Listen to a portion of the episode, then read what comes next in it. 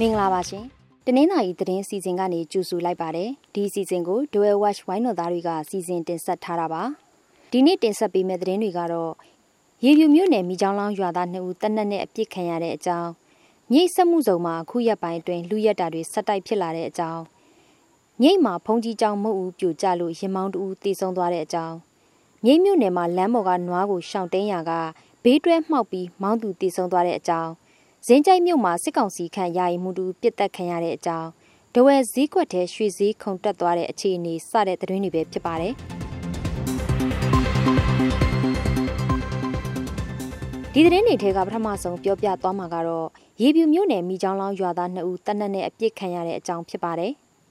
ရေပြူမြို့နယ်ကလျောင်မြို့နာကမိချောင်းလောင်းရွာတက်နေရွာသား2ဦးတနက်နဲ့အပြစ်ခံရလို့တဦးဒဏ်ရာရသွားခဲ့ပါတယ်။အသက်30ကျော်အရွယ်မြို့သား2ဦးဟာမိချောင်းလောင်းနဲ့အိမ်တောင်သွားကမ်းလမ်းမတနေရာမှာမတ်လ17ရက်နေ့ကတနက်နေ့အပြစ်ခံရတာပါ။ဥယျာဉ်ချံကနေမိချောင်းလောင်းရွာကိုဆိုင်ကယ်နဲ့ပြန်လာချိန်အပြစ်ခံရလို့ အမျိုးသားတဦးရဲ့တင်မမှာဒဏ်ရာရခဲ့တယ်လို့ဆိုပါတယ်။အဲ့ဒီပြစ်ခတ်မှုကဘယ်အဖွဲ့ကပြစ်ခတ်ခဲ့တယ်ဆိုတာကိုတော့မသိရသေးပါဘူး။အခုရက်ပိုင်းတွင်မြိတ်ဆက်မှုစုံမှာလူရက်တာတွေစက်တိုက်ဖြစ်လာပါတယ်။မြိတ်မြို့အင်းလေးမြိုင်စက်မှုဇုံထဲမှာအခုရက်ပိုင်းအတွင်းဆိုင်ကယ်နဲ့ဖုံးလူရက်ခံရတာတွေဆက်တိုက်ဖြစ်လာတာပါ။ Ventok ကုမ္ပဏီအနောက်ဘက်လမ်းမှာဖြစ်များပြီးဓားထောက်ပြီးဆိုင်ကယ်လူတာဖုံးလူတာတွေဖြစ်နေတယ်လို့ဆိုပါတယ်။ ဇန်နဝါရီလတုန်းကလည်း Ventok ကုမ္ပဏီနဲ့ရေနန်းသူစာကုမ္ပဏီအနောက်ဘက်လမ်းမှာညအချိန်ဓားရှည်ကင်ဆောင်ထားတဲ့လူတစုကဖုံးနဲ့ပတ်စံအိတ်တွေလူရက်တဲ့ဖြစ်စဉ်တွေရှိခဲ့ပါတယ်။လူရက်တာတွေအဖြစ်များတဲ့လမ်းမှာလူနေအိမ်ခြေမရှိဘဲလုပ်ငန်းကိုတောင်နဲ့ခြုံပုတ်တွေပဲရှိတာပါ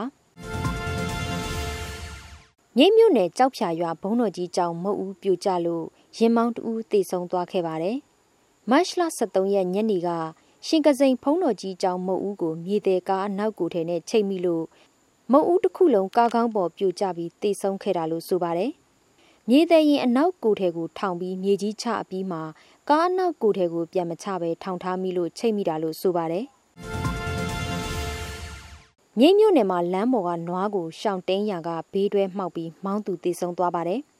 မနေ့ညနေကမြိတ်မြို့နယ်ပတောင်းရွာလမ်းမကြီးပေါ်မှာသွားနေတဲ့နွားကိုမတိုက်မိအောင်ရှောင်တင်းရာကဘေးတွဲမှောက်ပြီးမောင်းသူတေဆုံးသွားပါတယ်။ဒီလိုရှောင်တင်းလိုက်လို့လမ်းဘေးကိုထိုးကျတိတ်မှောက်သွားပြီးဘေးတွဲဖိမိပြီးဒဏ်ရာရသွားခဲ့တာပါ။အသက်40ကျော်အရွယ်ဘေးတွဲမောင်းသူဒဏ်ရာရလို့အရေးပေါ်ကားနဲ့မြိတ်ဆေးရုံကိုတင်ပို့ချိန်လမ်းခုလက်မှာပဲတည်ဆုံသွားခဲ့တယ်လို့ဆိုပါတယ်။ဇင်းကြိုက်မြို့မှာစစ်ကောင်စီခန့်ယာယီမှုတူပြစ်တက်ခံလိုက်ရပါတယ်။ မွန်ပြည်နယ်ဇင်းကြိုက်မြို့ဖလက်ရွာကယာယီမှုတူ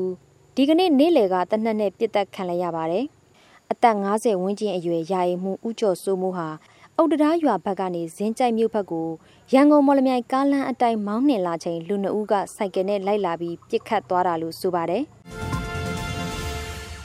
နောက်ဆုံးတစ်ပုတ်အနေနဲ့နားဆင်ရမှာကရွှေဈေးအတက်ကျန်းတဲ့အကြောင်းဖြစ်ပါတယ်။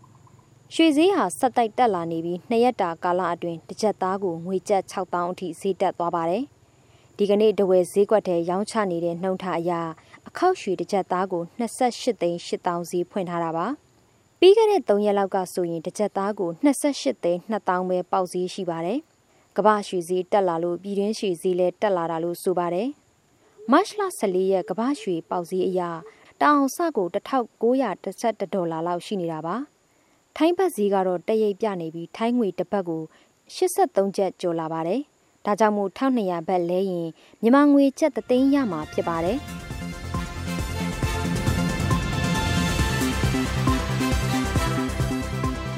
အခုလိုနားဆင်ပေးတဲ့အတွက်ကျေးဇူးအထူးတင်ရှိပါတယ်မြန်မာနိုင်ငံသူနိုင်ငံသားများကပ်ပြီးအပေါင်းကအမြန်ဆုံးလွတ်မြောက်ပါစေလို့ The Well Watch ဝိုင်းတော်သားတွေကဆုမွန်ကောင်းတောင်းလိုက်ပါတယ်ရှင်။